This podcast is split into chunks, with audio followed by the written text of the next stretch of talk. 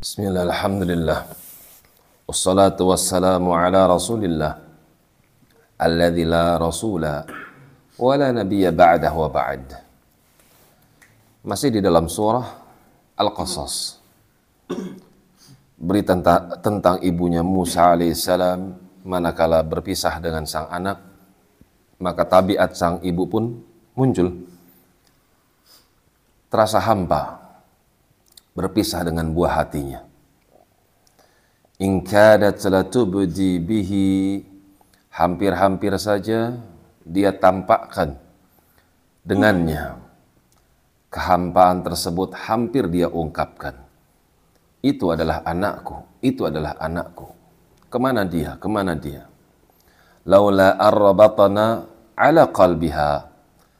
Kalau bukan karena aku yang ikat dengan kuat sesuatu berupa keimanan yang ada di dalam hatinya, niscaya perempuan ini tidak akan kuat mengalami ujian tersebut.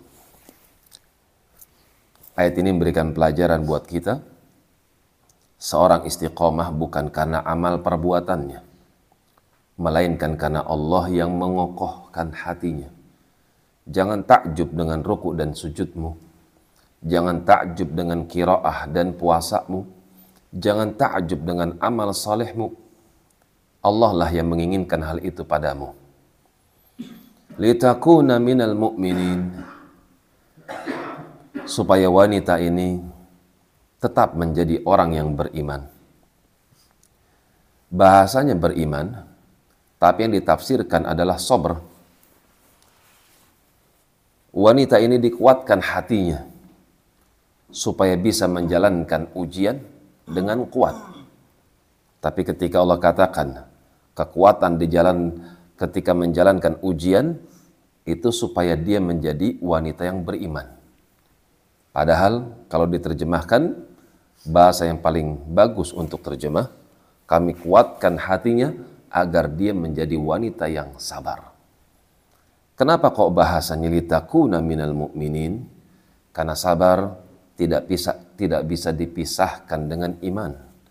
Iman adalah sabar, sabar adalah iman.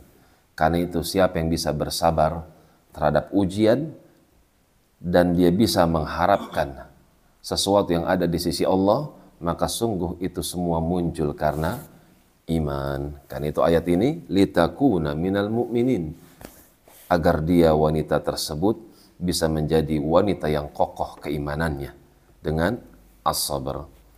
Demikian wallahu a'lam bis-shawab.